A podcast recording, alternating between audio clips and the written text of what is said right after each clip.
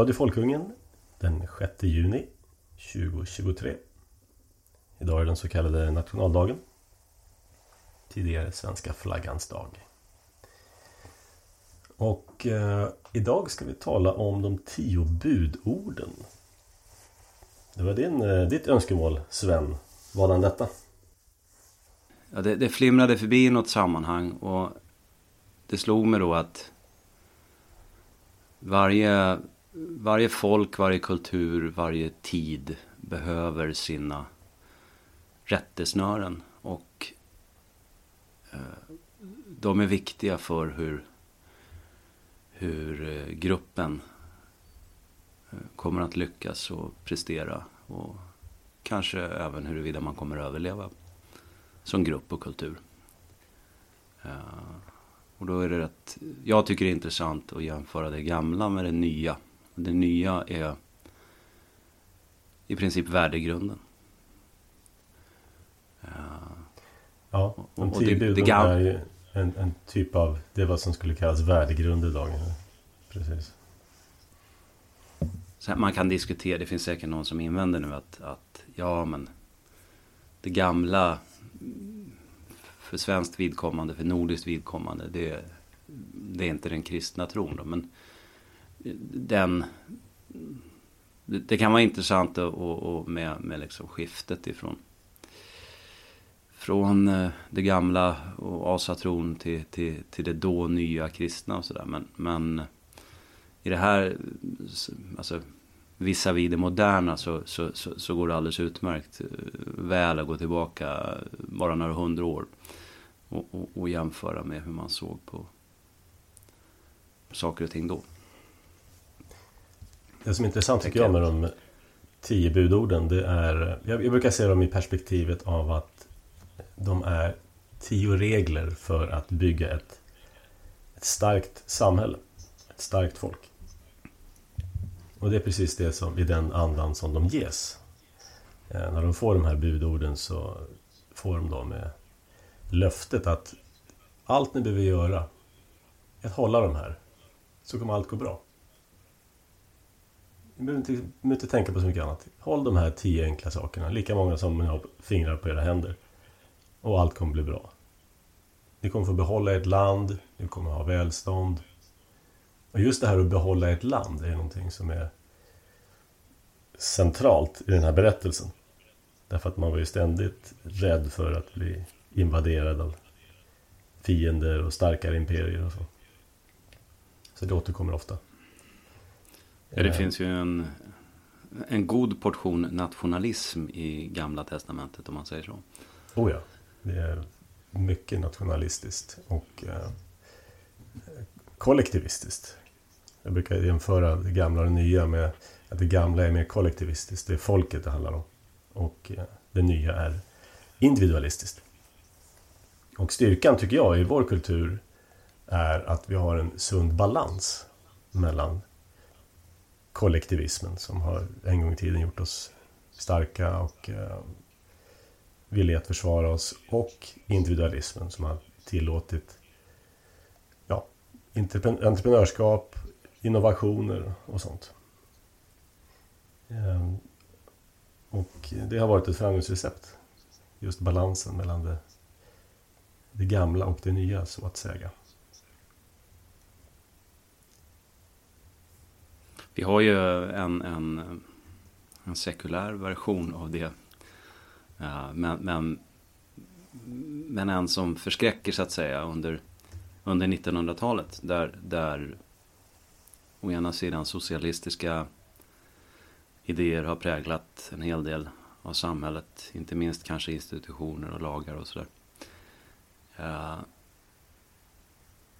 och parallellt så har har en, en slags avart av liberalismen. Liberalismen var nog, nog eh, relevant, eller vad vi ska använda för ord, på 1800-talet. Men, men under 1900-talets senare del så anser jag i alla fall så, så liksom degenererades den till någon slags eh, där allting handlade om individens självförverkligande och alla människor skulle vara som atomer ryckta ur sammanhang och mening och bara reduceras till konsumenter ungefär. Och jag har många gånger funderat jag har många gånger funderat på vilken som har varit mest skadlig där. Om det liksom är det socialismen har gjort eller det den moderna varianten av liberalism. Och många gånger har jag lutat åt att liberalismen har skadat samhället mer. Det betyder inte att, betyder inte att, att, att socialismen står utan påverkan, absolut inte. Men, men, men eh, vad var det som dödade liksom gemenskapen på något sätt? Ja, det är ju samma andas barn. Eh, socialismen är ju sprungen ur liberalismen. Eh, ja, när man går tillbaka. Ja, precis. Sitter man... Liberalerna satt till, satt till vänster och eh, de konservativa royalisterna satt till höger i det franska ja, parlamentet eller vad det var nu man hade. Därav vänster och höger. Ja, det där... på, många ondgör sig ju, och det är naturligtvis med rätta, men över vänstervridning och sådär i Sveriges Radio då till exempel. Att eh, göra en grej där han har klippkort på och sitta i studion och bli intervjuad om sin syn på saker och ting. Då. Och så brukar man fylla på med, med, med någon liberal då. Det kan vara någon förvirrad folkpartist eller jag gillar att säga folkpartist. De är ju inte liberaler. Folkpa Folkpartist och, och, VPK brukar jag alltid köra med. ja. Lite ändrat. Och sen, sen på slutet då här, eller så, ja, de senaste åren så brukar man ju ta dit eh, Dick Eriksson då som någon slags eh, Sverigedemokratiskt alibi då. Eh, men han är ju så fruktansvärt slätstruken och pipig i rösten så att det blir ju liksom ingenting. Uh, ingenting av det där är intressant anser jag. Man, man, kan liksom bli irriterad över att, att de får sitta där hela tiden. För det intressanta, det är inte det som sägs där, utan det är det som aldrig får sägas. Det får aldrig komma dit en riktig frispråkig konservativ röst. Um, en sån person som till exempel Claes Ryn som, som ibland intervjuas på Sveb-TV. En, en sån människa. Det får aldrig någonsin ploppa upp. Uh, apropå att socialism och liberalism är samma andas barn. Jo, man kan se spåren av det även idag. Uh, de, de, de, kommer i ett, i ett, paket liksom och uh, de som har väsentligt annorlunda uppfattningar än, än, än, det som är i det paketet, det, de är inte välkomna. Än vid denna dag. Nej, precis. Vi hade ju en insändare här för några veckor sedan som beskrev just problemet med... Eh, Frå frågorna som aldrig ställs. Precis. Det är som... Eh, har, jag har ju ett intresse för centralbanker och Riksbanken och sådär. Och eh, ibland har de sån där frågestund, chattstund. Och någon gång har jag försökt delta i det där, men man får ställa en fråga. Och inga mm. följdfrågor. Och då kommer man liksom ingen vart. Ja, kan man, liksom inte, man kan inte ringa in dem då. Så där, heller, där får man inte heller ställa frågor.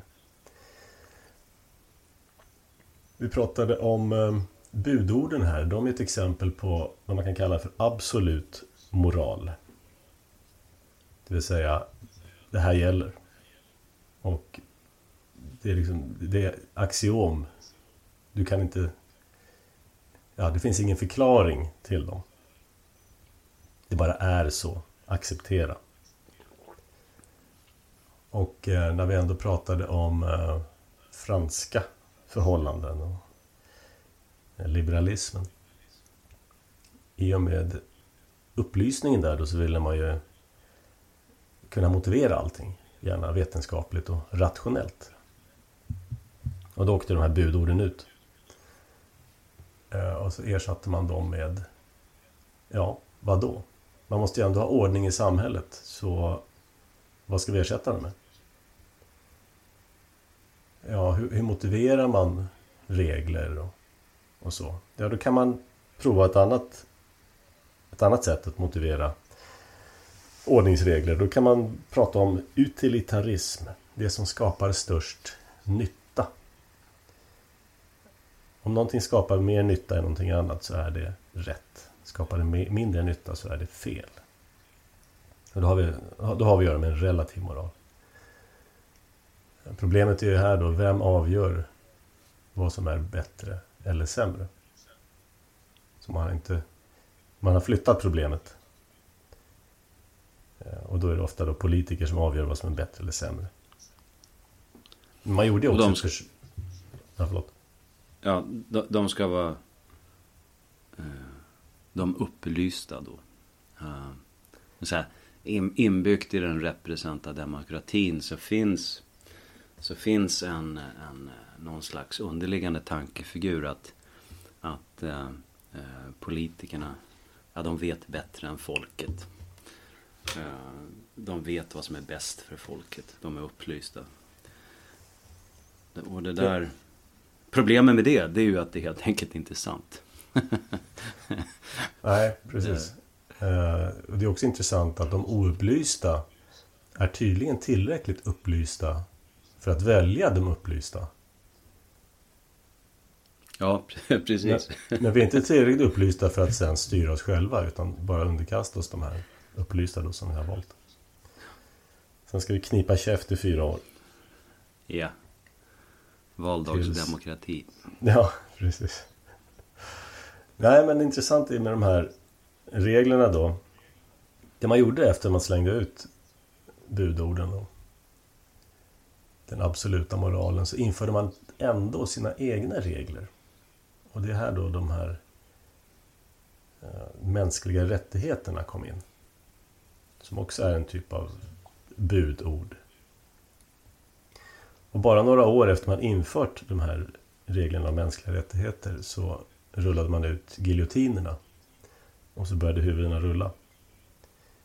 Så att det var kanske inte ett helt vattentätt system då som man hade satt upp för sig själv.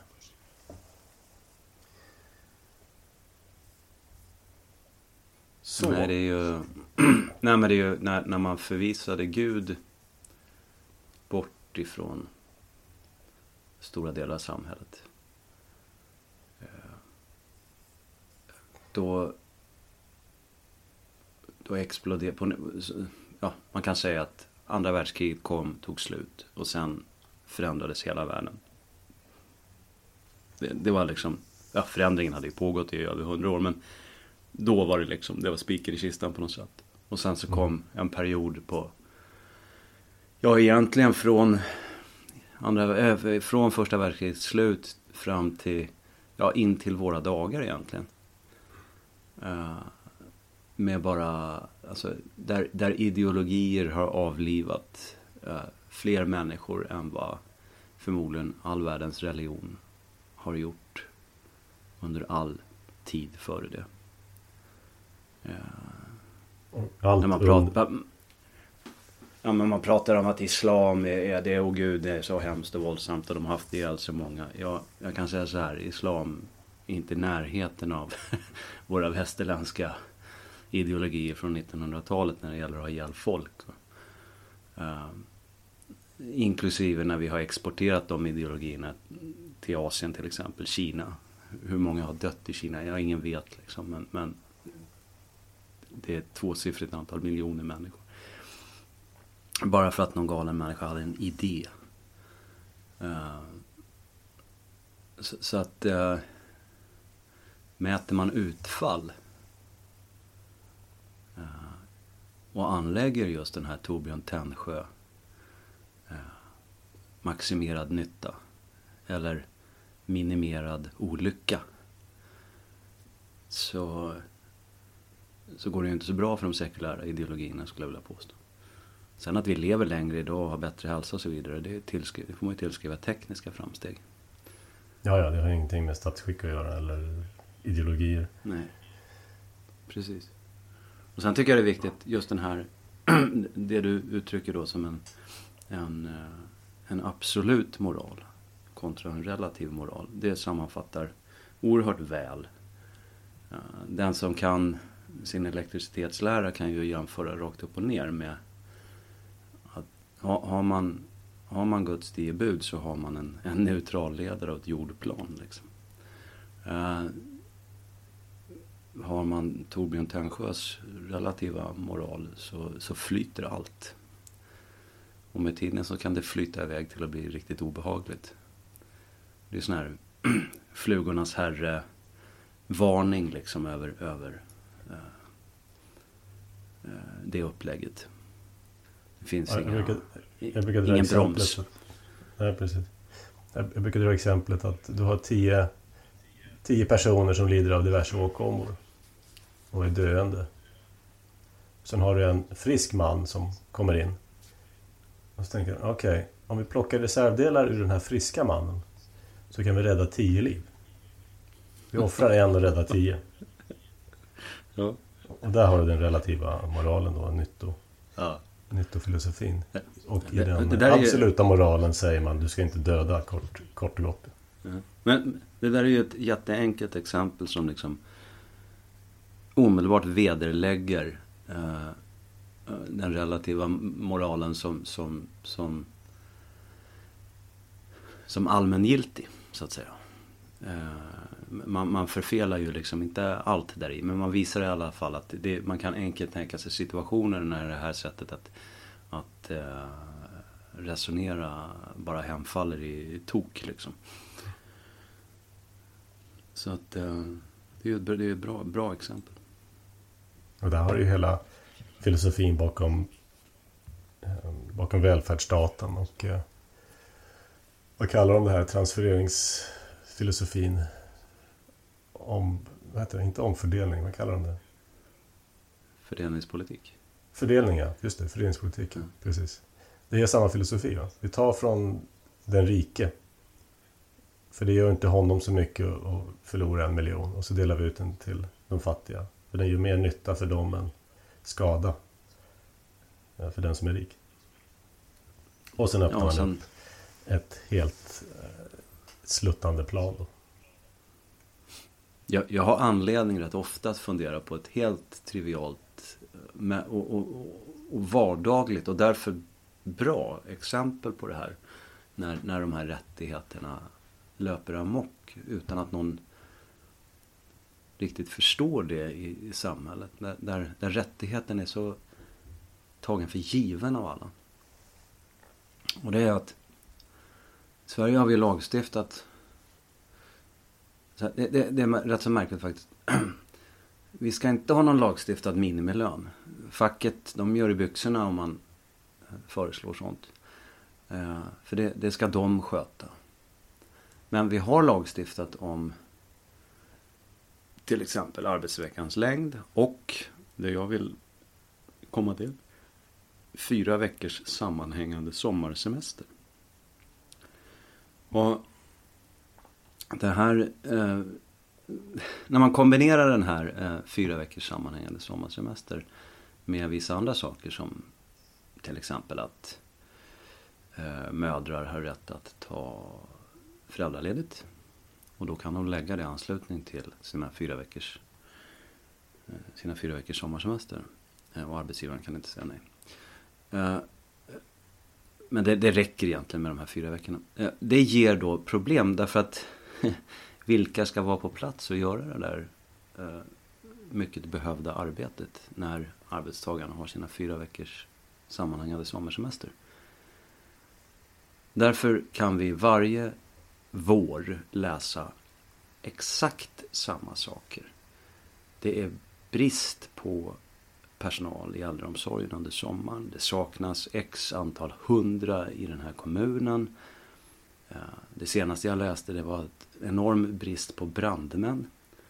Ja, de ska helt enkelt ha semester därför att reglerna för när man eh, har rätt att ta ut semester.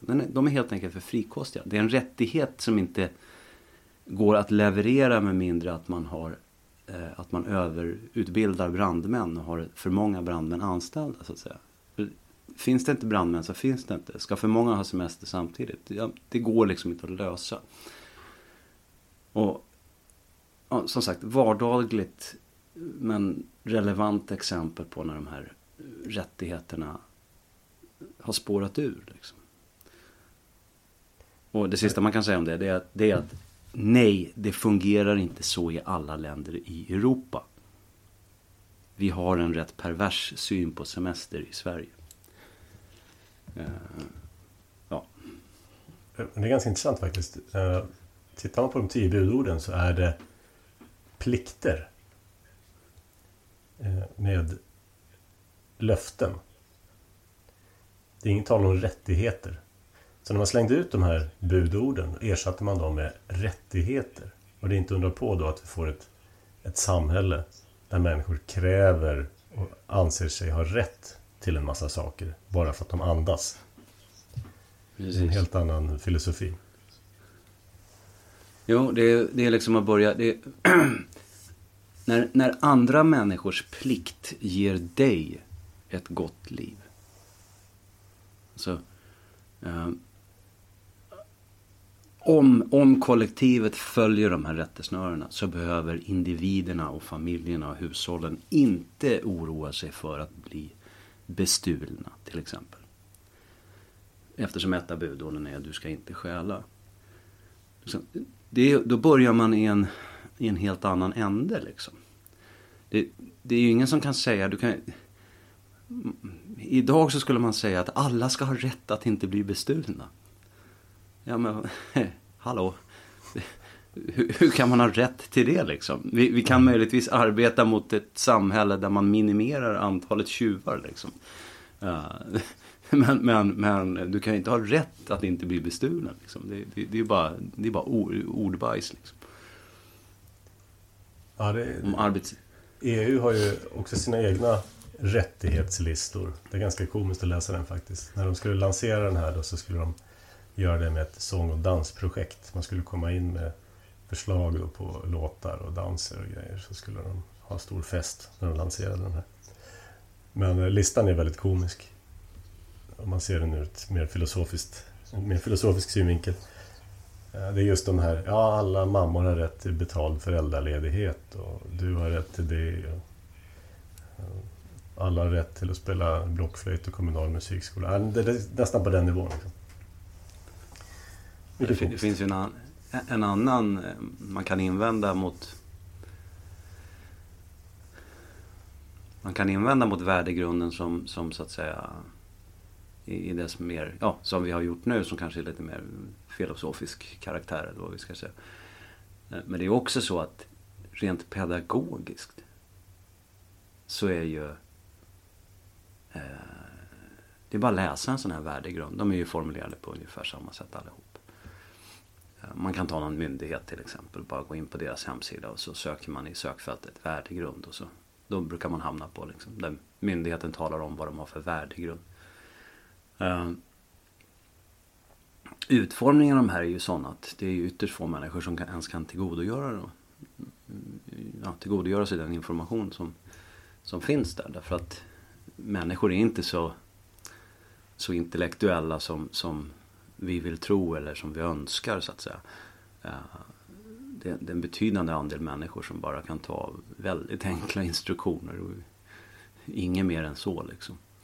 Så att tanken att alla ska sitta och läsa ett tvåsiffrigt antal olika värdegrunder från, från, från olika myndigheter. Och, den är ju pedagogiskt efterbliven. Det, det, går överhuvudtaget inte att, att uh, ha en masskommunikation med, med, med, med, med en befolkning på, på det sättet. Det, arbetar man med politik så märker man ju snabbt att man måste göra stor skillnad mellan vad man själv skulle så att säga vilja kommunicera utåt och, vad, och vad, vad mottagarna har möjlighet att tillgodogöra sig. Det ska inte förväxlas med någon typ av förakt för, för människors intellektuella förmågor. De är ofta eh, på många, ur andra synvinklar eh, högre och mer kapabla än man, man kan tro. Men specifikt det skrivna långa ordet, där finns det stora begränsningar i vad man kan kommunicera ut. Liksom. Så att det finns ju inga förutsättningar att att ens på en slags teknisk nivå få det här att, fungera. Det här är ju bara byråkrater och politiker som står och skriker i ett rum, liksom, den här värdegrunden. Stora delar av människorna, de, de, de låter ju bara sina liv löpa på utifrån andra föreställningar om, om vad som är rätt och fel och så vidare. Vilket kanske inte heller är det bästa, för då har man inte en gemensam syn. Då. Det är liksom det som, som budorden det är det de levererar. Ja, här har vi en väldigt enkel lista. Som alla kan begripa. Så om vi ska ta, göra slag i saken och titta på listan. Den som eh, har en bibel hemma hittar listan i Andra Mosebok kapitel 20. Eh, och, du, eh, och så, så finns det då... Jag bläddrar Klaus. Vad sa du? Jag bläddrar om det prasslar här. Så. Ja, ja, precis. Eh, det här, det här är liksom originalet då. Om man säger. Och sen så finns det lite eh, destillerade varianter av den här listan. Till exempel Luthers katekes. Och, eh, det finns lite olika... Alltså man kan dela in de här buden i den här listan, de här tio, på lite olika sätt. Så Luther har gjort en. Katolska kyrkan följer detsamma i stort sett. Och sen så har andra religioner sin egen uppdelning också. Um, ja, du läste de här igår Sven. Och, uh, mm. Vad är ditt intryck? Jag ska då säga att jag är inte konfirmerad. Jag har begränsade kunskaper i Bibeln. Jag läste i min hustrus Bibel. Som eh, den är tryckt 1973 och det står första sidan så står det i överensstämmelse med Bibelkommissionens normalupplaga enligt Kungliga cirkuläret den 30 oktober 1903. Så att eh, det är väl då en kanske förra versionen av Bibeln. Eh, det har väl kommit, jag vet inte hur ofta det kommer en ny. Den förra versionen fastställdes 1917, 1917 års Ah, då är den ännu äldre då? Ja, jag var lite förvånad över årtalet där faktiskt. Det är inte möjligen så att, ha... att uppdraget gavs det året men den gjorde, gjordes klart 1917. Ja, jag vet inte. Ja, så kanske det kan vara. Det Sen är det då så... Det är den versionen jag är van vid i alla fall. Men sen finns det ju nyare efter det. Ja. Nej, men min hustru växte upp religiöst i en församling som är, vi kan kalla det för bibelkonservativ. Och då kanske vissa kan lista ut redan där. Det låter högerextremt. ja, ja herregud. Det, förmodligen. Lite Nej, det som slog mig när jag läste ja, Det som slog mig när jag läste det här bara. Det är ju att, att uh, jag hade ju en, en vad ska vi säga, en väldigt förenklad syn på, på budorden. Eh, på det sättet att jag trodde att någonstans i Bibeln då i Gamla Testamentet så, så, så stod budorden eh, precis på den form som, som, eh, eh som, som, man då är van som sekulariserad människa att få dem presenterad. Eh, men eh, de är ju faktiskt beskrivna i ett, ett sammanhang och innehåller eh, mer information lite grann än vad som man brukar kondensera dem till. Och, och, och, det kände jag inte till. Så att där kände jag mig lite dum, dum och okunnig. Sammanhanget, ja. bakgrunden till den här är ju då det här folket som har om man går tillbaks liksom, till Bibelns första början så Första Mosebok då så ja, Adam och Eva skapelsen och EH och så lite längre fram så kommer Abraham och han får löfte om... Han gör ett, ett förbund med Gud. Han gör ett löfte att Gud, du ska vara min Gud och inga andra gudar. Och i gengäld, Abraham, ska du få rikedom och massor av barn. Massa avkomma. Och du ska få ett land. Som kallas för Kanans land i Bibeln. Det som blev Israels land senare.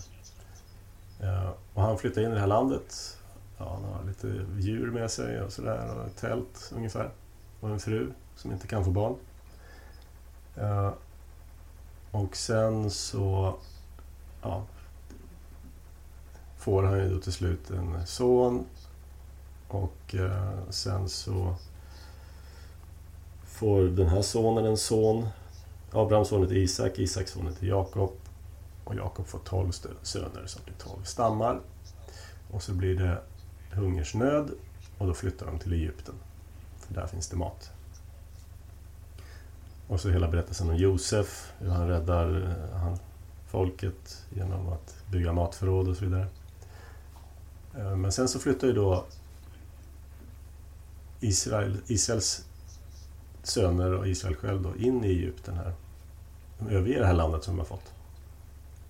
För tiderna är dåliga. Och sen så bor de då i Egypten och sen så är de gynnade av Josef och han är vän med kungen, farao.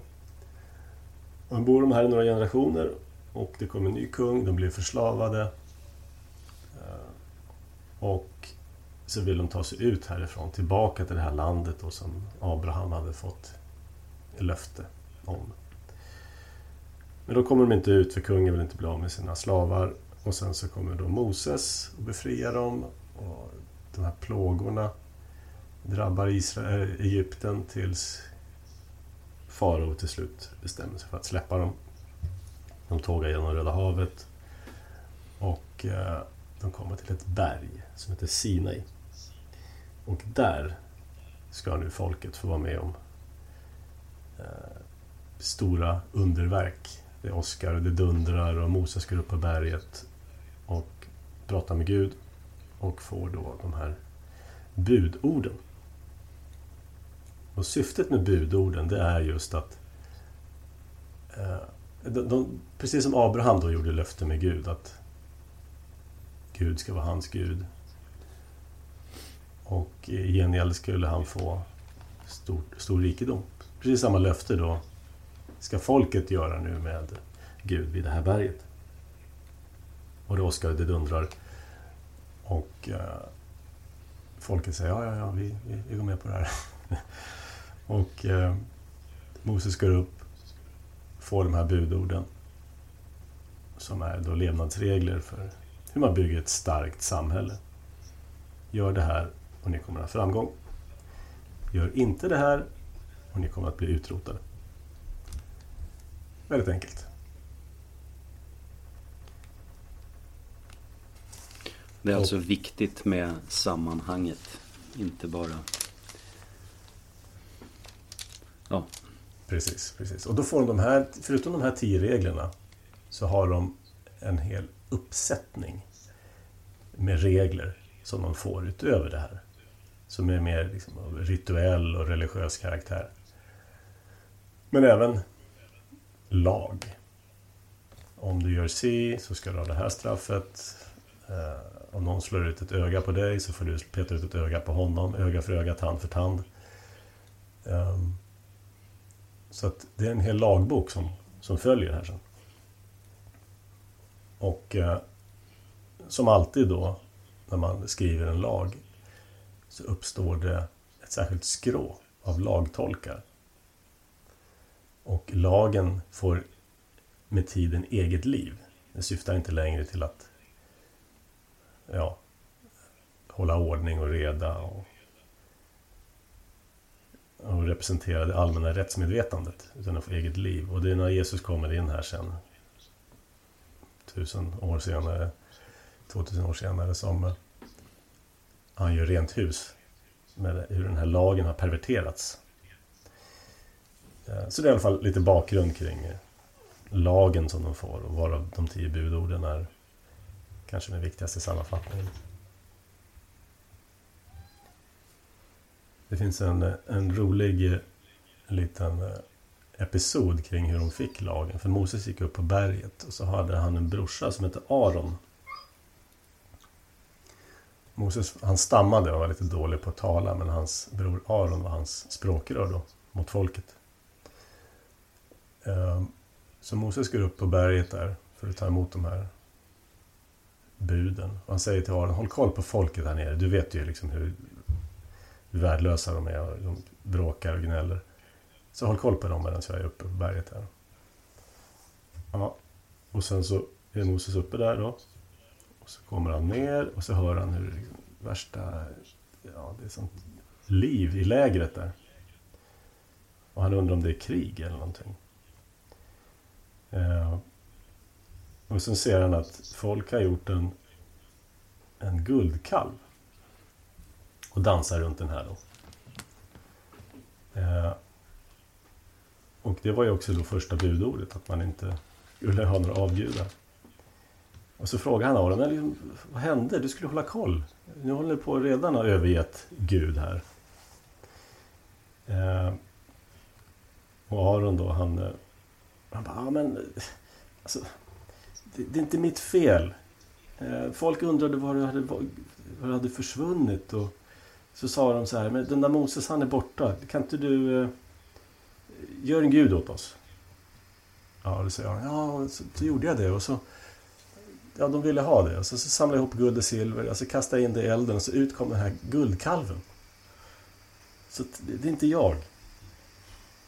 Ehm, så att eh, det här beskriver lite grann det här folket. Det är ett väldigt eh, mänskligt folk.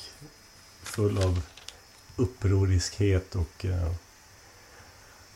ja, de tappar ofta spåret och hamnar fel. Då. Men i alla fall. Om vi då ska titta på självaste budorden då. Så... Eh, Ja, på tal om guldkalv förresten. Som, den är en symbol för avgudadyrkan. Eh, vilken är den stora symbolen för Wall Street? Det finns en stor staty på en tjur där.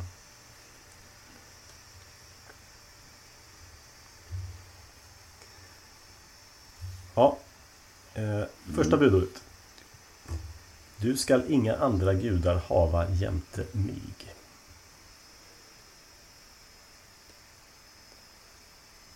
Vad säger du om det? Den, den sätter ju an tonen. Ja, det, det här var ju, det var ju en tid när, precis som i vår egen fornnordiska tro, man hade en hel uppsjö med gudar. Så det här monoteismen var ju radikal på så vis. Samma var det då för de här folken. De hade massa olika gudar. Speciellt om de hade bott i Egypten och där det fanns massa olika gudar. Och eh, farao själv var ju gudomlig. Eh, så att, det är inte det öppet för nytt. konkurrens. Det är inte öppet för konkurrens här om man, om man, när man inleder med, med eh, den förhållningsregeln. Utan, Nej, precis. Det är det, jag säger, det är det jag säger som gäller. Det, det är faktiskt, budordet som sådant förnekar ju faktiskt inte existensen av andra gudar. Det är lite eh,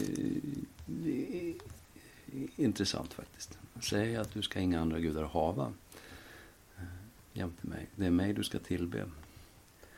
Eh. Ja, precis. Den förnekar inte det. Och det här budordet, det låter ju väldigt... Uh, ja, för, för oss i vår tid, så ja, okej, okay, vad är det med det liksom? Men på den här tiden så var det väldigt stort.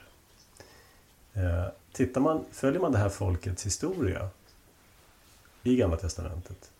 Om man ska peka på ett enda bud som fick det här folket att falla så var det just det här budet. Um, Ehm, så man hade, man hade fullt sjå med att hålla borta... Och jag, jag brukar se det här som ett förbud mot mångkultur. För mångkulturen fräter sönder sammanhållningen i ett, sam, ett samhälle, de gemensamma värderingarna.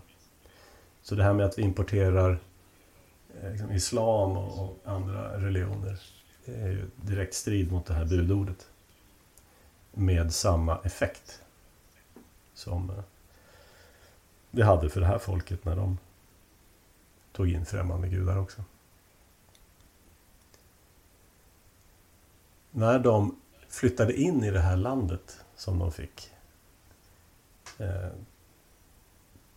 Kanans land till slut. När Moses till slut tog dem in i det här landet. När de äntligen fick det här landet som Abraham hade blivit lovad. Då bodde det folk här.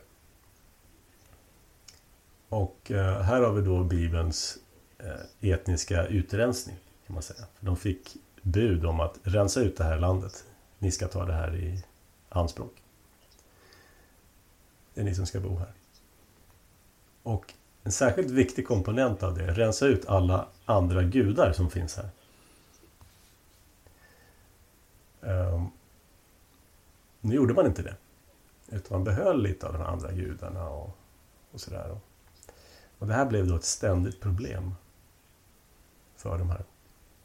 Och man kan säga det, det här är ju i våra öron naturligtvis hemska saker. Då, att man ska rensa ut alla folk som bodde där och så. Eh, Bibelns motivering för det här är att de folk som bodde där, de offrade... De inte bara hade främmande gudar, eller andra gudar som konkurrerade, de hade också barnoffer.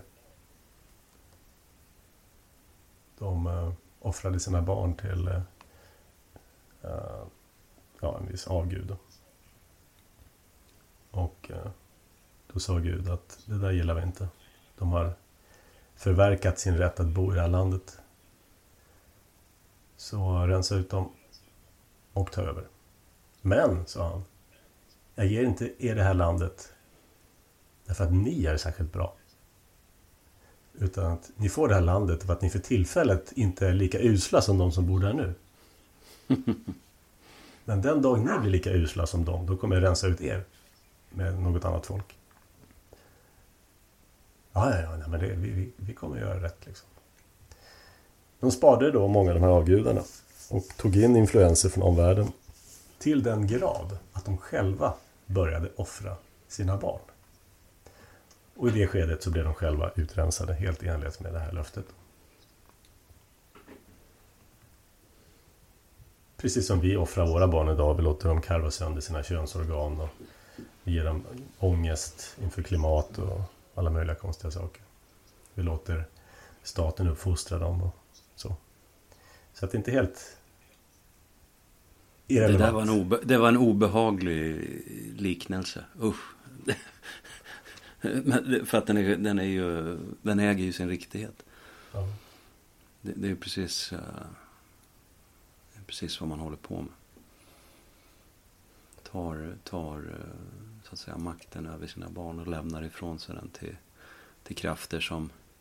Och jag bryr mig inte speciellt mycket om huruvida det finns ett, ett uppsåt eller om det är bara en, en olycka. Men resultatet blir detsamma liksom. När man håller på och talar om för barnet. Att eh, de via sitt eget levande orsakar jordens undergång. Och, eh, det, det, det, Ja, alltså det ligger, det, ligger det, rätt mycket bakom det här generation. enkla. Det ligger rätt mycket bakom det här enkla budordet. Ja, visst gör det det. Budordet mot mångkultur. Ja. Det andra budet. Hur lyder det? Ja, alltså då blir jag osäker här. Stackars jag, jag läser i Wikipedia här. Tio Guds bud enligt Luthers lilla katekes. Så jag använder den indelningen. Det står så här. Du ska icke missbruka Herrens, din Guds namn. Herren ska Precis. icke låta den bliva ostraffad som missbrukar hans namn. Anledningen till min förvirring det är det jag sa i inledningen att i, i, då i 20, 20 kapitlet i Andra Moseboken så där har man ett antal stycken mellan då du skall inga andra gudar, gudar hava jämte mig samt du skall icke missbruka Herren din Guds namn. Så ja precis, finns lite mer. Det är väl där det står lite grann om att uh, han ska ja, hämnas inte bara på dig utan även på dina kommande generationer. Jag tror det är man, man läser där. Ja. Du ska inte göra, göra dig något beläte eller någon bild. Ja. Beläte uttalas det till och med. Ja, där ser man. Avbild. Gammal svenska. Ja, just det. Så där har vi också ett förbud mot, mot avbilder. Um, så att, och det var därför att de lätt började dyrka avbilder och bilder. Det var en tradition de hade med sig då från Egypten och som tidigare att man gjorde bilder och bad till. Så man la, man la ribban lågt. Gör inte ens några bilder av saker för vi vet att du, du kommer börja dyrka dem. I alla fall. Det, här, det, här, det här lever ju i islam stenhårt. Där är det ju verkligen. Uh, får absolut inte försöka porträttera uh, Gud ja. liksom. Ja, du kan ju tänka hur, hur, vad de tycker om man avbildar Muhammed som en hund. Ja, precis. Sen, ja. sen, sen, det, här, det, här, det här budordet får vi säga, alltså du ska icke missbruka Herrens, din Guds namn. Eller din Guds namn. Uh, det är ju, alltså, det, där befäster man ju respekten för du ska bara ha en gud, det är jag. Och du ska behandla mig med respekt, även liksom i proforma bemärkelse. Du, du ska inte använda mitt namn för att inte ens i dina svaga stunder ska du liksom säga saker som devalverar min betydelse ungefär. Det, det är så jag tolkar det. Alltså mm. när man ser det som ett, ett, ett, ett, ett, ett, ett praktiskt rättesnöre. Liksom. Det, här, det här ska gälla, följer ni den här instruktionen så kommer så kommer eh, ni vara uthålliga över tid liksom. Mm. Jag vet inte. Däremot har jag, jag har li, lite svårare att förklara nästa bud, men det kan säkert du göra. Ja, jag tänkte det här med namnet. Har du varit med om säljare som säger Men, men du Sven, eh, vad tycker du om det här Sven? Som liksom nöter ut ditt namn. Och eh, ja. liksom kommer för nära på något sätt. Jo, men absolut. Det, jag vet inte om det kan vara relaterat till det, men jag tycker det är obehagligt. Nej. Alltså det är någonting särskilt med ens namn. Då. Jag är kanske lite gammaldags där, men eh, jag vill inte att folk ska nöta ut mitt namn. Och Guds namn då ska man inte använda i, till, att missbruka. Och, och Gud, hej och sådär va. Jo, jag måste bara säga en sak om det här första budordet, inga andra gudar. Eh, demokratin är ju en typ av religion.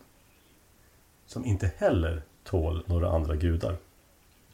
Och den har sina egna ritualer och eh, trosatser och sådär. Mm. Man, kan, man kan göra en ganska bra parallell då med den demokratiska religionen och ja, vilken annan religion som helst. Valdagsritualen. Röstandets mm, sakrament. Absolut. Det, det, det är en bra jämförelse. Och eh, den, den är ju särskilt besvärad av eh, ja, kristen religion. I demokratin. Den har väldiga problem med det. Så att eh, det behöver regleras.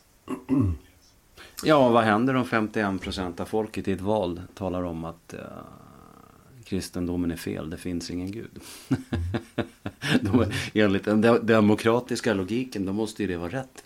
Ja, ja. Uh, ja. Enligt demokratisk logik kan man då avliva de övriga 49 procenten.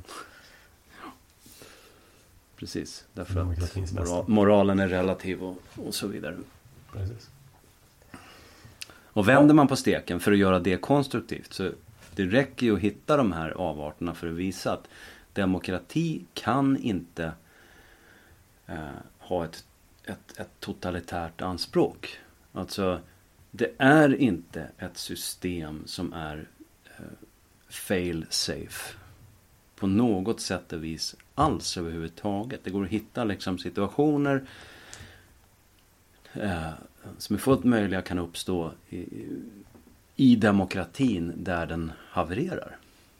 Helt enkelt. Det, det, det, har den på sätt och vis redan gjort. Men, men eh, ja, alltså, man kan begå onda handlingar i demokratins namn och på ett demokratiskt sätt. Inga som helst problem. Det är inte alls någon försäkring mot människans inneboende sämre sidor. Liksom. Precis. Och vi kommer faktiskt till ett budord som är relaterat till det, men det kommer lite längre fram. Ska hålla det i åtanke. Um, för att göra klar, färdigt den poängen, avsluta den poängen, så är det ju så att mm. eftersom man vet att demokratin eller vilket annat statsskick som helst inte är ofelbart så har man infört vad som kallas för grundlagar. Lagar som ska vara det, så att säga, det, det yttersta skyddet för individen mot demokratin. Eh, problemet är att det är demokratin som skriver om de här lagarna efter sina egna önskemål också. Så det är inte särskilt eh, säkert system ändå. Tredje budordet. Tänk på vilodagen så att du helgar den. Eh, ja, det är mitt favoritbudord. Det vill säga vila på söndagen.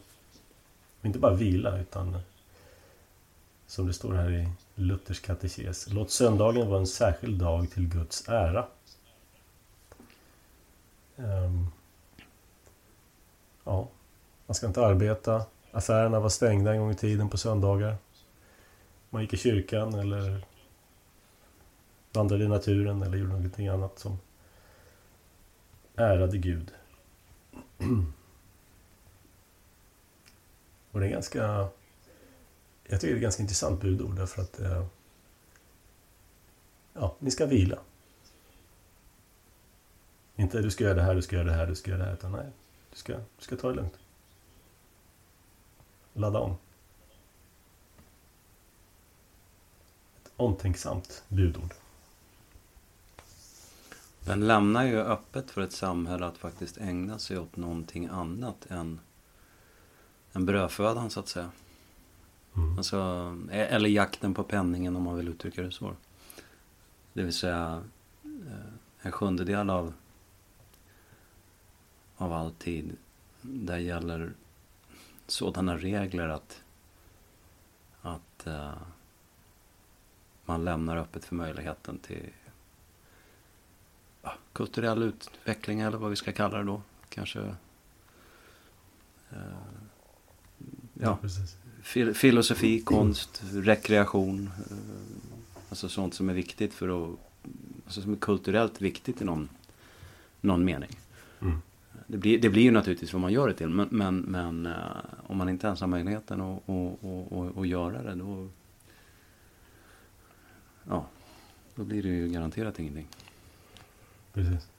Jag tror att det är Tyskland som affärerna fortfarande är stängda Många affärer är stängda fortfarande på söndagar. Um, och det finns en, ett, en bot, penningbot, relaterad till om man är öppet på söndagar. Och vissa tar med det i kalkylen och är öppet ändå. Men många svenskar som kommer till Tyskland tycker att jobbet är stängt på söndagen. Liksom. Ja, så var det i Sverige också. När Sverige var svenskt. Jag undrar hur man gjorde med, om man går tillbaka till ja, feodala samhällen på medeltiden och, och sådär med mycket tvång ifrån en, en central fogde i en borg liksom. Eh, där man tvingade, tvingade folk på den omgivande landsbygden till dagsverken. Respekterade man det här då? Det kanske finns ett självklart svar på den frågan. Ja, eller så är det inte så. Men jag, jag vet inte. Ja, jag vet inte heller. Uh, jag tror man hade ganska stor respekt för Ja, spontant så... Ja, ja, precis. Spontant så, så känner jag... Ja, och, och, och, kanske... Och, det borde i alla fall vara så från och med... från och med när man började ha gudstjänster på, på svenska och sådär. Eh, det finns ju en period när allting är, lite flytande. Ja, ja. Det, får, det får man fundera på. Hur lång tid, hur långt i tiden har den här sju dagars cykeln pågått? När börjar man med liksom första måndagen, tisdagen och så vidare? Det måste ju vara sen gammaltestamentlig tid som den här veckocykeln. Som ja, vi har levt efter den här veckocykeln. Ja, visst. Ja, det är faktiskt en intressant fråga. En kontinuerlig, obruten kedja. Det finns en eh, intressant eh, sak kring det här vilodagsbudet. Då. Judarna är ett folk som är, är väldigt listiga. De är till och med listigare än sin egen gud. Då. Eh, deras vilodag är på lördagen. Och eh, läser man i Gamla Testamentet i Jeremias bok så säger han att på vilodagen så får man inte bära någonting från en publik plats till en eh, privat plats. Det vill säga, du får till exempel inte bära hem någonting från torget till ditt hem. Och då har man tagit det här som, inte ett exempel på vad man ska göra på sabbatsdagen, utan definition. Det vill säga att, att helga det här budordet, den här dagen, det gör man genom att inte bära någonting från en publik plats till sitt hem. Ja, hur kan man komma runt det här då om man vill ändå bedriva kommers på den heliga, Guds heliga dag? Jo, då gör man så att man inhägnar stora delar av uh, samhället. Marknaden. Med en tråd. Och, ja just det, du måste ju inhägna hela. Ja. Alla kunder måste ju finnas inom. Ja. Precis, så att inom många stora städer i världen så finns det någonting som kallas för en eruv. Och det är en tråd som går då runt en hel stadsdel.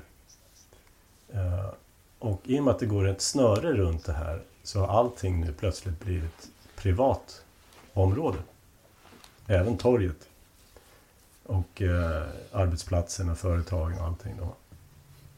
Så då kan du leva efter sabbatsbudet utan att eh, ja, behöva vila eller, eller så.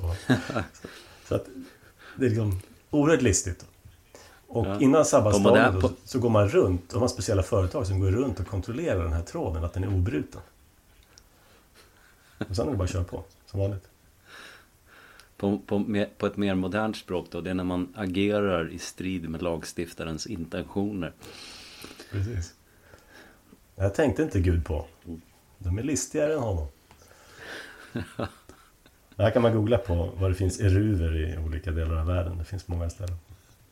Speciellt där det bor mycket, mycket judar. Mm.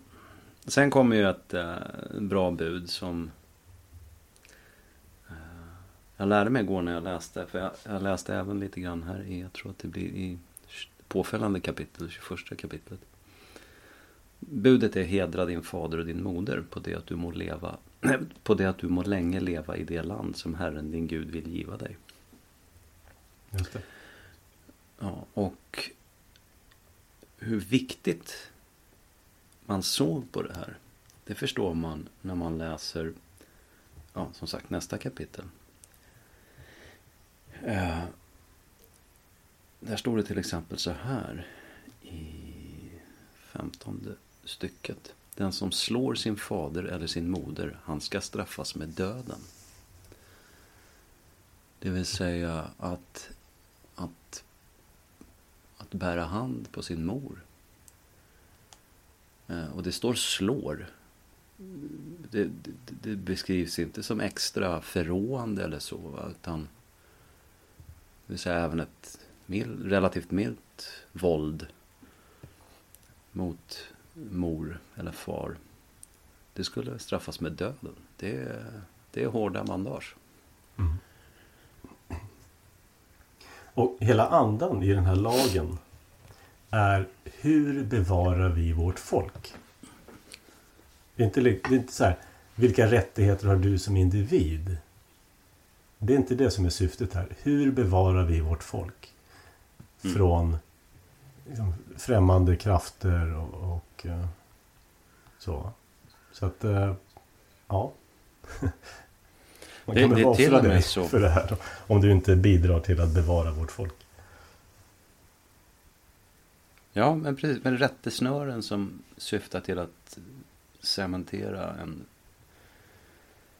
känsla av sammanhållning och eller inte känsla, alltså att cementera sammanhållning.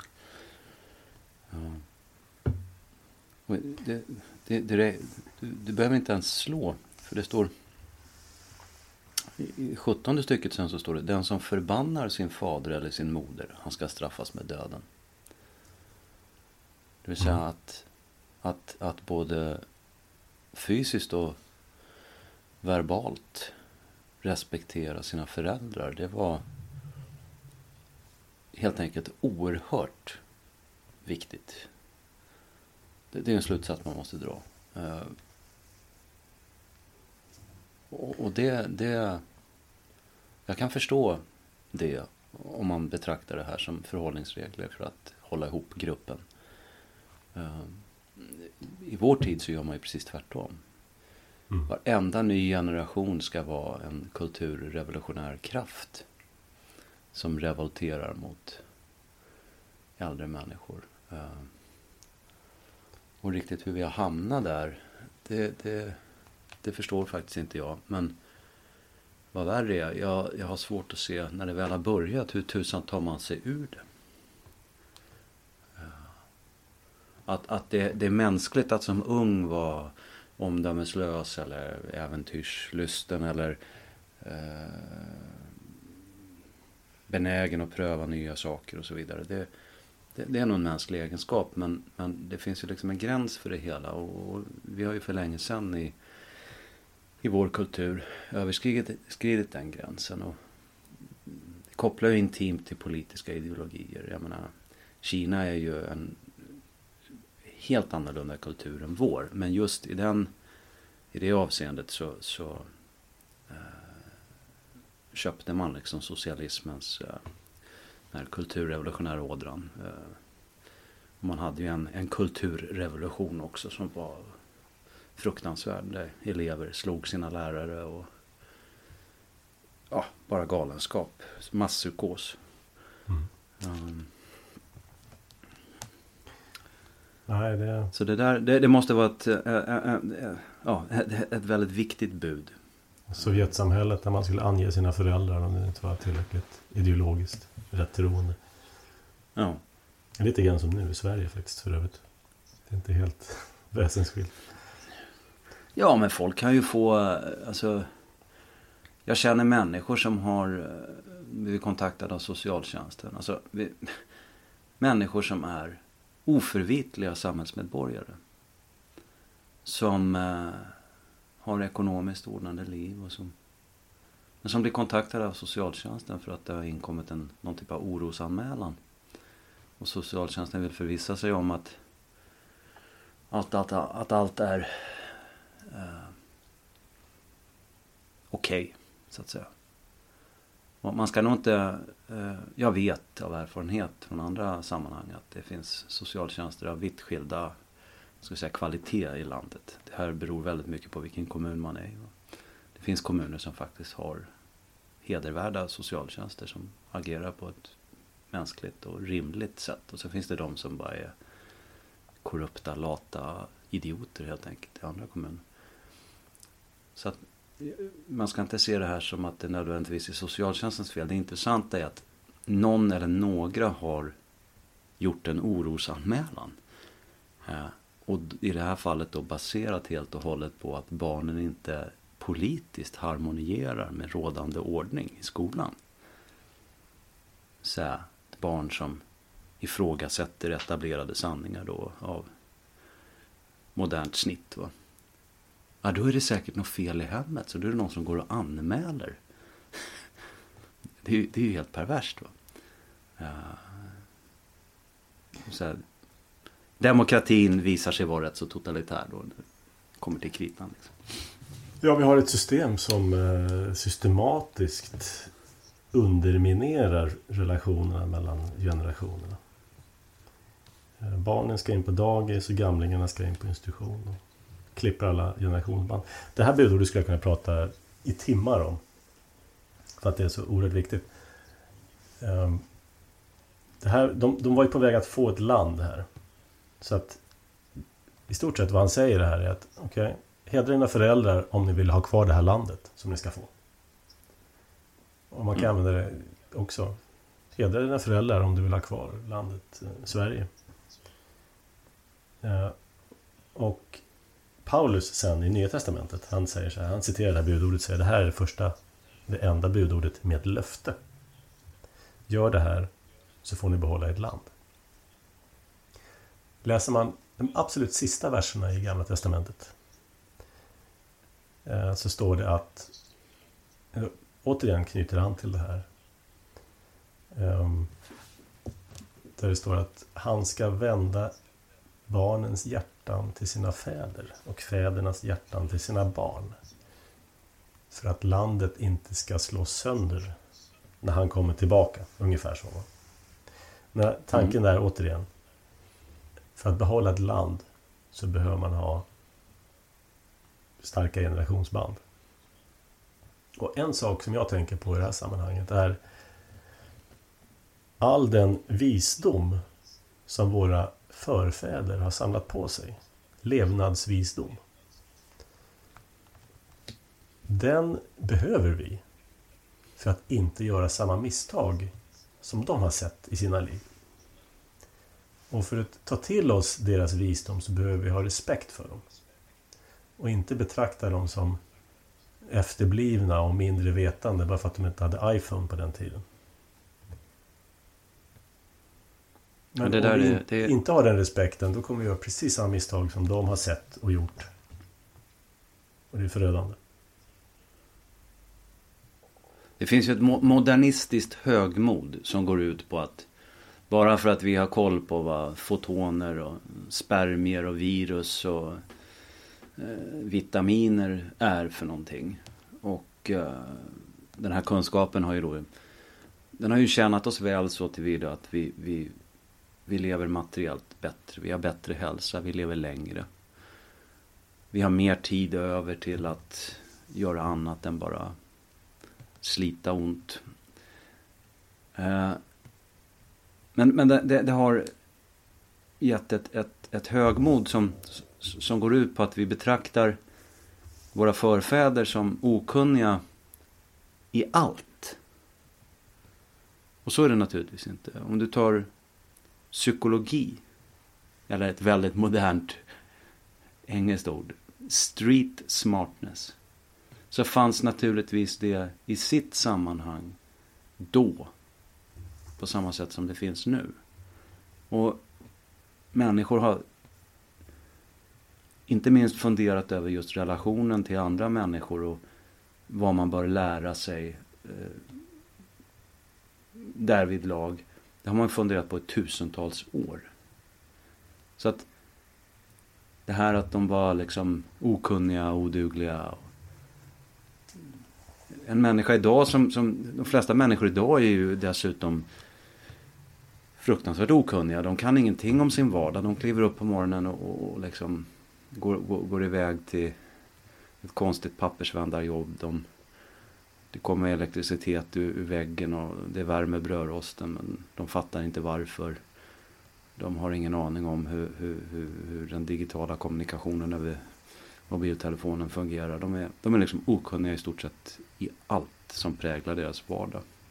På ett tekniskt plan. Jag menar, för 200 år sedan så var människor betydligt mer kunniga tekniskt i sin vardag. De, de förstod sig på hästen och, och, de visste hur man mjölkade kon och, och så vidare. och så vidare. Så att eh, det, det, det, här det, ja, modernistiskt högmod liksom, som, som som förföljer oss. Ja, precis. Och det välstånd som har skapats av deras hårda arbete. Vi har ett relativt högt välstånd i det här landet, den här delen av världen. Inte för att vi bor i den här delen av världen. Utan för att våra föregångare har jobbat hårt och varit duktiga och smarta. Um, och, och det här med begreppet normkritik. Där alla normer... Det utgår från att alla normer är fel. Och alla normer som vi har ärvt är ett resultat av fördomar. ja, falska fördomar dessutom. Grundlösa fördomar och av hat och eh, misogyni och rasism och allt vad det nu är för någonting. Va? Inte av att okej, okay, de här har listat ut någonting. Därför har, de, därför har de satt upp de här normerna som vi har fått ärva. Normer är ju till för att skydda oss. Där vi inte har normer, där måste vi ha lagar istället. Och när vi nu bedriver normkritik inom alla områden av samhället, det är också ett, ett sätt att att eh, helt enkelt betrakta våra förfäder som lite smått dumma i huvudet och efterblivna. Ta det här med... Eh, ja, och så, ja. ja, sen man underminerar då eh, rättesnören som har bidragit till att vi är där vi är idag. Mm. Ta, ta det här med NATO till exempel nu. Ja, men nu är det så självklart att vi ska gå med. Så att om man om man säger, men kan vi inte vara alliansfria som vi har varit i så många år? Putinist! Ja, men alltså... Redan innan Putin så hade vi generationer av ledare som tyckte att det var bra att vara alliansfri. Och inte sälja eller dela ut vapen till krigförande stater. Var det för att de var dumma i huvudet och inte visste bättre? Eller var det för att de hade listat ut någonting? De, de visste någonting. De hade en, en anledning till det här. Det är snarast för att vi tycker att de var lite efterblivna. Det är sättet att se på det nu. Mm, då passar så... jag på att inflicka där att i, i ljuset av det så bör ju alla förstå vilken, vilken kulturrevolutionär kraft sittande regering är. Att de är sminkade som någon slags höger, lätt konservatism. Eh, det, det är bara, det kan man glömma liksom. Utan de är beredda när det kommer till kritan att fatta vilka omdanande beslut som helst i stort sett. Jag var bara tvungen att nämna det. Mm. Det. De har inte respekt för sin fader och sin moder och sin farfar och sin morfar och farmor och mormor och så vidare. Nej, det här är ett oerhört viktigt bud för den som vill behålla sitt land. Att respektera sina förfäder. Och eh, redan i vår fornnordiska eh, världsåskådning så var ju det här ett oerhört viktigt budord också. Att respektera sina förfäder. Mer eller mindre dyrka sina förfäder. Nu föraktar vi dem. Det finns ju naturfolk som har en religiös föreställning som helt och hållet bygger på förfäderna. Mm. De som ska föreställa vara så underutvecklade och så vidare. Men som, som grupp har de överlevt i ett sammanhang i längre tid än vad vi riskerar att inte klara av så att säga. Mm. Ja, nej men eh, jag, en av mina käpphästar här. Det är ju det här med dagisväldet som vi har. Som underminerar respekten för föräldrar. Att man eh, låter främlingar fostra ens barn och eh, fylla dem med märkliga värderingar. Istället för att bygga starka relationer med, med sina barn. Mm. Sen kommer några bud här som är lite, vad ska vi säga, av ordningskaraktär. Kan man säga det? Mm, det kan göra. Du ska icke dräpa. Du ska icke stjäla. Eh, sen finns det en emellan där i 20 kapitlet som jag misstänker inte står med i, där på Wikipedia. Vilken då? För Jo, för mellan, mellan du skall icke dräpa och du skall icke stjäla så står det du skall icke göra hor. Jo då, det finns. Men det heter du ska icke begå äktenskapsbrott. Med andra Så gör det ju. Ja, ja, ja, ja. Du, du ser vad, vad, vad den semantiska hanteringen eh, över tid gör. Med Bud, bud, num- budord nummer sex handlar om sex. Ja. Men det är ju det är icke förty, det är, är lite sådana där eh, praktiska ordningsregler som gör att eh, ett samhälle fungerar mycket bättre. Ja. Ja, ja. Eh, Ett samhälle mår inte bra av, ja, vad ska vi säga, av våld, av sexuellt utsvävande eh, leverne som, som skapar osämja mellan människor. Ja. Mm. Stöld, en uråldrig synd i alla samhällen. Måste stävjas. Precis. Viss, vissa människor stjäl, det verkar ligga i, i den mänskliga naturen. Men det måste skademinimeras. Då kan man fundera på i vilken mån Skatteverket är eh, i harmoni med budorden. Ja, ja visst. Den är ju, beskattningsrätten är ju tyvärr uråldrig också då. Mm. Man brukar, det brukar, man brukar påstå att eh, prostitution är världens äldsta yrke. Men det är ju inte sant. Det är ju det är skattmasen som har världens äldsta yrke. Ja, precis. Tillsammans med begravningsentreprenören och några till. Horan är nummer tre kanske. Mm. Dö- Döden och skatterna.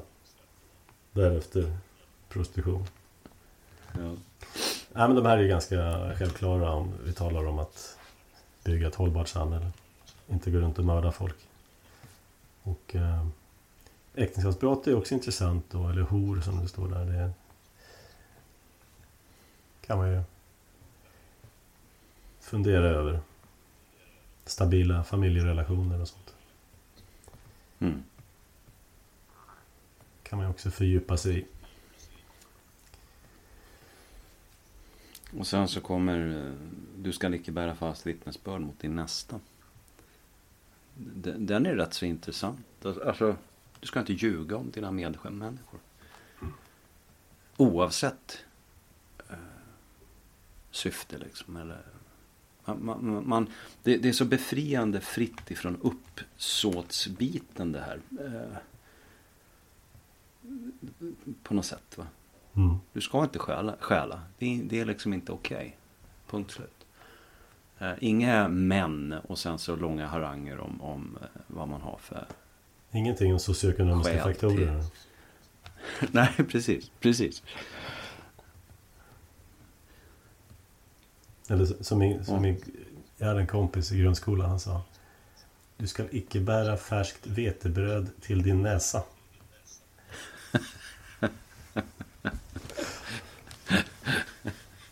ja, och det sista, den är ju faktiskt... Eh, den där är uppdelad på två budord faktiskt. I eh, Luthers uppräkning. Som är ganska lika varandra. Där han som nummer nio då säger Du ska icke ha begärelse till din nästas hus. Eh, och det här är den som jag nämnde tidigare. Jag ville komma tillbaka till. För vad han gör i sin katekes här, Luther. Han citerar budordet. Och sen så ger han en tolkning av det. Och det här tycker jag är en oerhört intressant tolkning. Han säger så här. Vi skola frukta och älska Gud så att vi inte listigt stå efter vår nästas arv eller hus eller under sken av lag och rätt tillägnar oss det. Utan är honom behjälpliga att han må behålla det som hör honom till. den är ju fantastisk. Därför att han lämnar ju liksom öppet för att man inom ramarna för, för den sekulära lagen kan konspirera då mot eh, sina medmänniskor för att tillägna sig deras egendom. Precis. Och även med röstsedeln skulle jag säga. Ja. Precis. Precis. Och alla de här budorden föregås ju av ett begär av något slag. Va? De flesta av dem i alla fall. Stjäla föregås av att jag vill ha det där. Eh, eller någonting sånt. Så att här lägger man ribban då väldigt lågt. Om det inte ens har begärelse så kommer det inte gå så långt att du begår handlingen.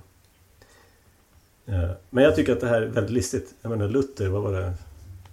500 år sedan. Eh, redan då såg han det här med möjligheterna att under sken av lag och rätt tillägna oss vår nästas egendom. Mm. Du, det här blir mer och mer högerextremt ju längre det här samtalet fortskrider. Ja, ja, ja, absolut. Det är därför de har så svårt för Bibeln, de, de goda människorna. Och det, det, är också intressant det här därför att du kan se en, en väldigt stark korrelation mellan ett samhälles välståndsutveckling och respekt för privat egendom. Och här lägger vi ju grunden för det. Att värna det privata ägandet. Eh, så det här har i allra högsta grad... Det här, det här är ett budord som man kanske inte pratar om så ofta. Och det är kanske inte så väl förstått. Men i allra högsta grad är den en grundpelare för ett välfungerande och rikt samhälle. Ja. Det, ja, det är intressant. Och här, här ehm, och om budorden om att icke dräpa, icke begå äktenskapsbrott och icke stjäla är, är vad heter det, och även eh, att inte ljuga om dina medmänniskor är fria från uppsåt så att säga, i sin formulering så, så i de här eh, i de sista två så pratar man ju då ut, det står i min version så står det lust till, men det, det, man säger väl begär idag. Du ska alltså, det spelar ingen roll egentligen om du realiserar så att säga din, din lust. Du ska, inte, du ska inte känna så. Man, man ja, ansåg det alltså, ja, man, man, man, man, eller man, som det är formulerat så, så uh, Gud anser i det fallet att, att det är inte bara handlingen som ska vara förbjuden. Du ska, inte, du ska aktivt motarbeta att överhuvudtaget känna på det sättet. Sen kan jag tänka mig att mark marxister de skulle säkert tolka det här som att ja, det är bara för att man vill behålla en, en viss typ av egendomsfördelning då som underförstått är orättvis i, i samhället. Då. Ja, men det tror jag är att göra det alldeles för enkelt för sig. Mm. Du kan faktiskt se under Gustav III så infördes jordreformer i Sverige så att eh, själv, det, det, blev mycket lättare och vanligare med självägande bönder, bönder som äger sin egen jord. Och då kan man se en ganska kraftig välståndsutveckling i Sverige. Ja. Omvänt kan du ju se på socialistiska ekonomier när man förstatligade egendom. Till exempel gjorde stora statliga jordbruk. Det, Sovjetunionen, det, det kulturrevolutionen, vad som hände med välståndet då. Ja. Det där är väldigt intressant. För att i, i Norrland så har man ett enormt institutionellt ägande av mark. Eh, skogsbolag, staten och kyrkan äger väldigt, väldigt stora arealer. Och jag är övertygad om att hade, hade småfolket, hade allmogen haft ett större markinnehav så hade inte alls och ett, ett markinnehav som då var fördelat så, så hade inte alls landsbygden avfolkats och mördats på det sätt som har skett och som fortsätter att ske. Eh, det är... Då kan man fundera på varför har liksom... Varför har socialdemokratin applåderat åt jordreformer i Mellanamerika? Och accepterat en enorm eh, snedfördelning av ägande i, i norra Sverige. Och jag, jag, tror att det beror på att man, man hade så att säga en, en underförstådd överenskommelse med inte minst skogsbolagen då att, att uh, vi rör inte er mark men ni låter oss ha fritt spelutrymme inne på era fabriker med fackföreningsrörelsen.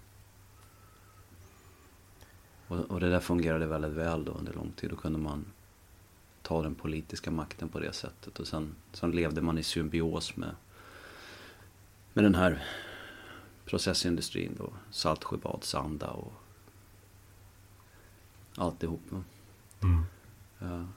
Jo, man vill ju inte ha att folk ska äga mark. Utan Nej, man, vill ha, man vill ha proletärer. Egendomslösa som ja. kan fösa hit och dit och locka med både det ena och det andra. Idag har man ju det problemet att nu har ju de arbetarna fått det alldeles för gott ställt. Det vill säga fabriksarbetarna, eh, företrädesvis män, de fick ta del av produktivitetshöjningen. Då. Att, I strid med Marx teorier och förutsägelser. Ja, precis. Och eh, det gör ju att de, de, de slutar rösta på Socialdemokraterna. Mm. Så att eh, jag brukar ju säga att då måste sossarna skapa sina egna arbetare. Och de arbetarna är kvinnor i arbetaryrken i offentlig sektor. Hemtjänstpersonal, undersköterskor, vårdbiträden mm. Och så vidare. Som ligger på helt eh, fasansfullt låga löner fortfarande till exempel. Och så går de här kvinnorna då grundlurade och röstar på Socialdemokraterna i tron att, att de som faktiskt är deras herrar ska verka för att de ska få sådana löner att de gör klassresan in i medelklassen. Det är rätt snuskigt. man skapar alltså en samhällsklass och ger den begärelse till sin nästas hus. Så ja. att han listigt står efter sin nästas arv eller hus under sken av lag och rätt. Med andra ord. Precis. På samma Precis. sätt som du ska icke stjäla eh, ogiltigförklara Skatteverket så skulle jag vilja säga att det här, du ska icke ha begärelse ogiltigförklarar hela det demokratiska fördelningssystemet. Se så mycket problem jag hade kunnat spara om jag hade levt efter de här buden.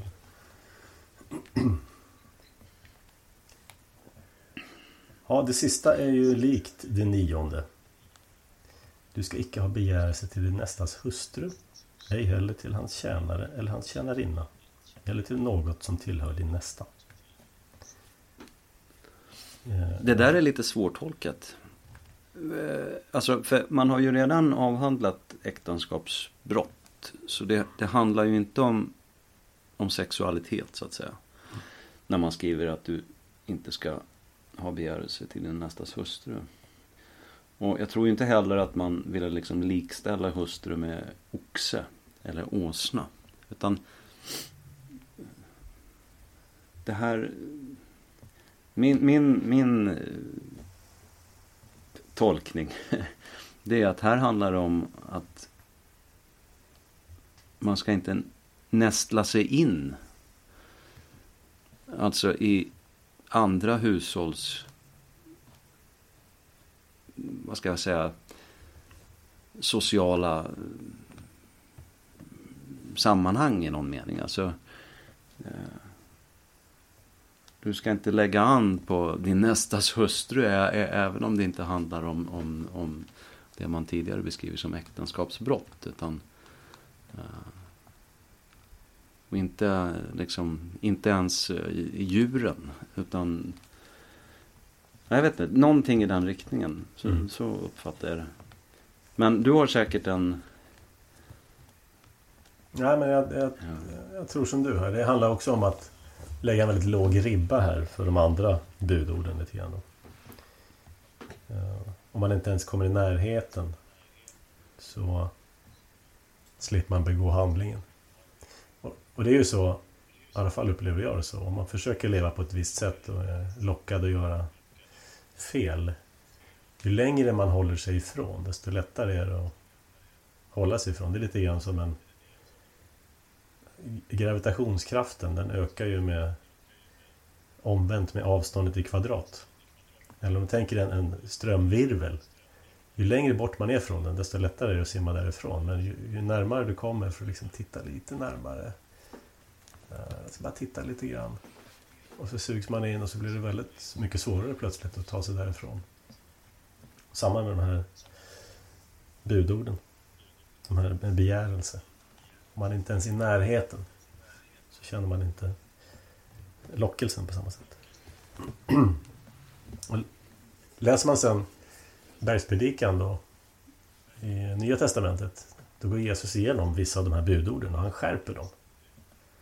Han säger, ja visst, du ska inte begå äktenskapsbrott, står det. Men den som så mycket som tittar med begärelse på en kvinna som inte är hans han har redan begått äktenskapsbrott med henne i sitt hjärta. Ehm, där kan man ju tänka på... Ja, det finns ju många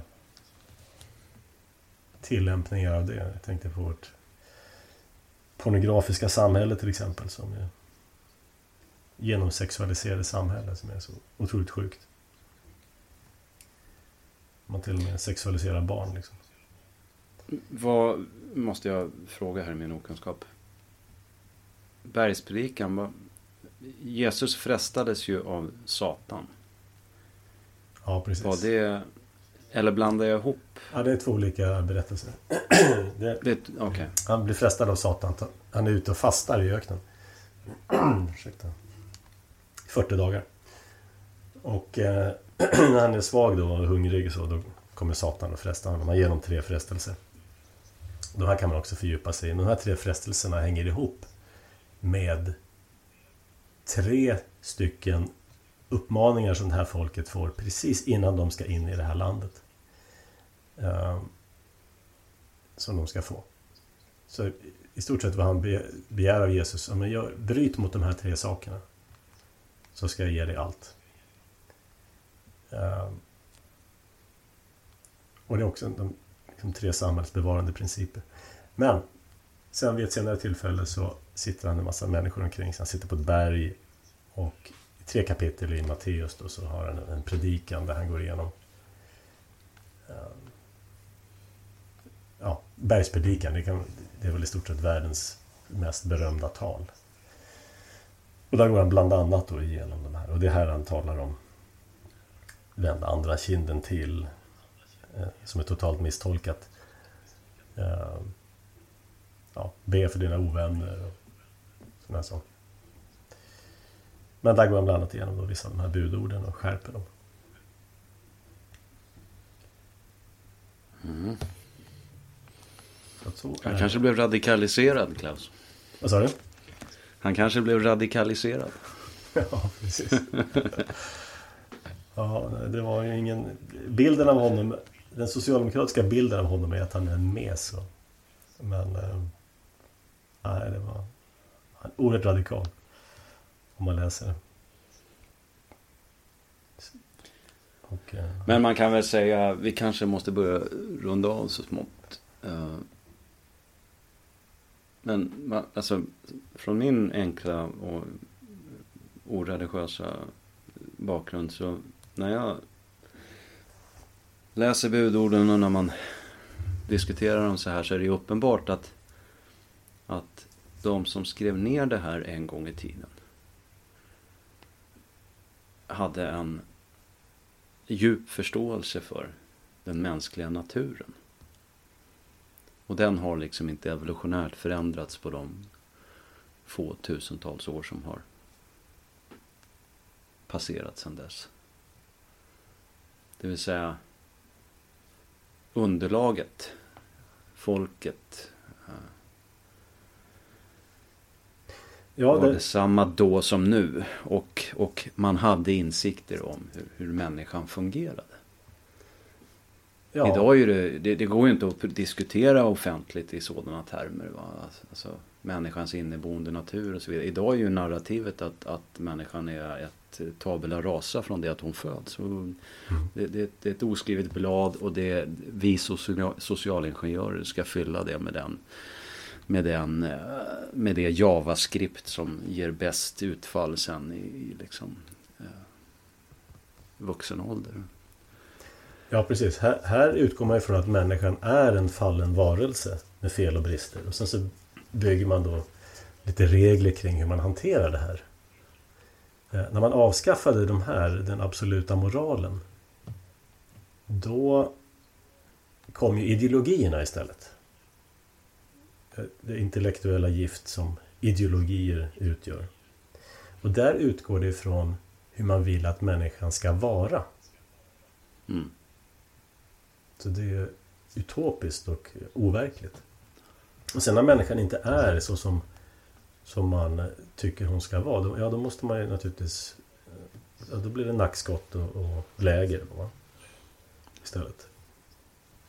Jag får lov att komma med ett litet tips här. Den som lyssnar och tycker att det kanske är lite jobbigt och med, med bibel och, och så, va? men som ändå gillar eh, den framställning som Klaus precis gjorde så Thomas Sowell finns att beskåda på Youtube i en rad olika samtal. Eh, jag tror att det är någon typ av konservativ tankesmedja som jag inte kommer ihåg namnet på nu men som, som har lagt upp en, en rätt så många avsnitt. Det är bara att söka på Youtube.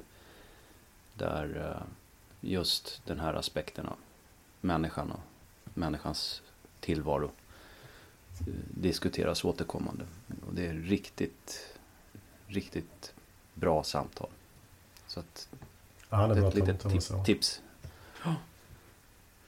Extra bra med tanke på att han kommer från en marxistisk bakgrund. Det vill säga han, han har på egna meriter eh, kommit till insikt om att nej men det här funkar liksom inte. Och sen blev han konservativ.